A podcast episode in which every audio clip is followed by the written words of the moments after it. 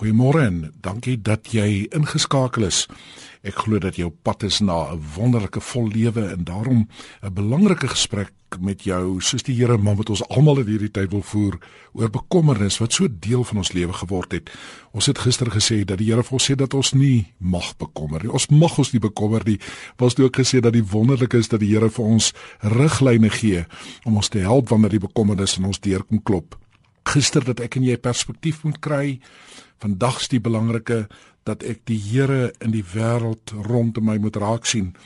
Ek lees in hierdie week die pragtige aanhaling van George Miller wat gesê het the beginning of anxiety is the end of faith. The beginning of true faith is the end of anxiety. God nooi vir jou en vir my in Matteus 6 vers 26 tot 30 uit om te gaan kyk na die lewe rondom ons. Wanneer die bekommernis kom, sê die Here, is dit omdat jy nie genoeg gekyk het na die wêreld rondom jou nie. Gaan kyk na die wilde voëls. God sorg vir hulle. Kyk na die veldlelies en sien hoe oorvloedig God hulle geklee het. Kyk na Salomo. Sy pragt en sy praal is niks in vergelyking met dit wat die Here vir die eenvoudigste van sy skepping gegee het nie. Gaan kyk na die gras, na die eenvoudige, na die verganklike. Gaan kyk hoe God hulle versier het. Kyk na die sterre en sien die hand van God deur hulle skitter. Luister na die aandwind en hoor die psalm wat dit tot eer van God sing. Gaan kyk na die mure Het jy al ooit 'n muur met 'n frons op sy gesig gesien omdat hy wonder of daar môre vir hom genoeg kos gaan wees? Het jy al ooit van 'n by gehoor wat 'n maagseer het omdat die by nie weet of daar môre genoeg nektar sal wees nie?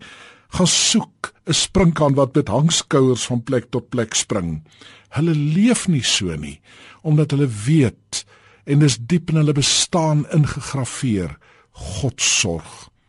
Kom ek en jy kyk weer rondom ons. Kom ons word bewus van God se grootheid. Hy wat so magtig was om al hierdie dinge te maak en dit in stand te hou, is hy dan werklik nie in staat om die dinge te hanteer wat vir jou en vir my so moeilik is nie? Kom ons word bewus van die Here wat vir ons nou in hierdie oomblik wil sê, ek wat dit alles gemaak het, kyk, ek is nou met jou besig. Soos die klein seentjie wat in die storm op die boot gelê het en toe hom wakker maak en vir hom sê sy nie bang nie? gesê het nee ek is nie bang nie. My pa is die kaptein en hy sal sorg dat ons aan die ander kant uitkom. Mag jy dit vandag belewe dat die kaptein van die skepping ook die Here van jou lewe is. Goeiedag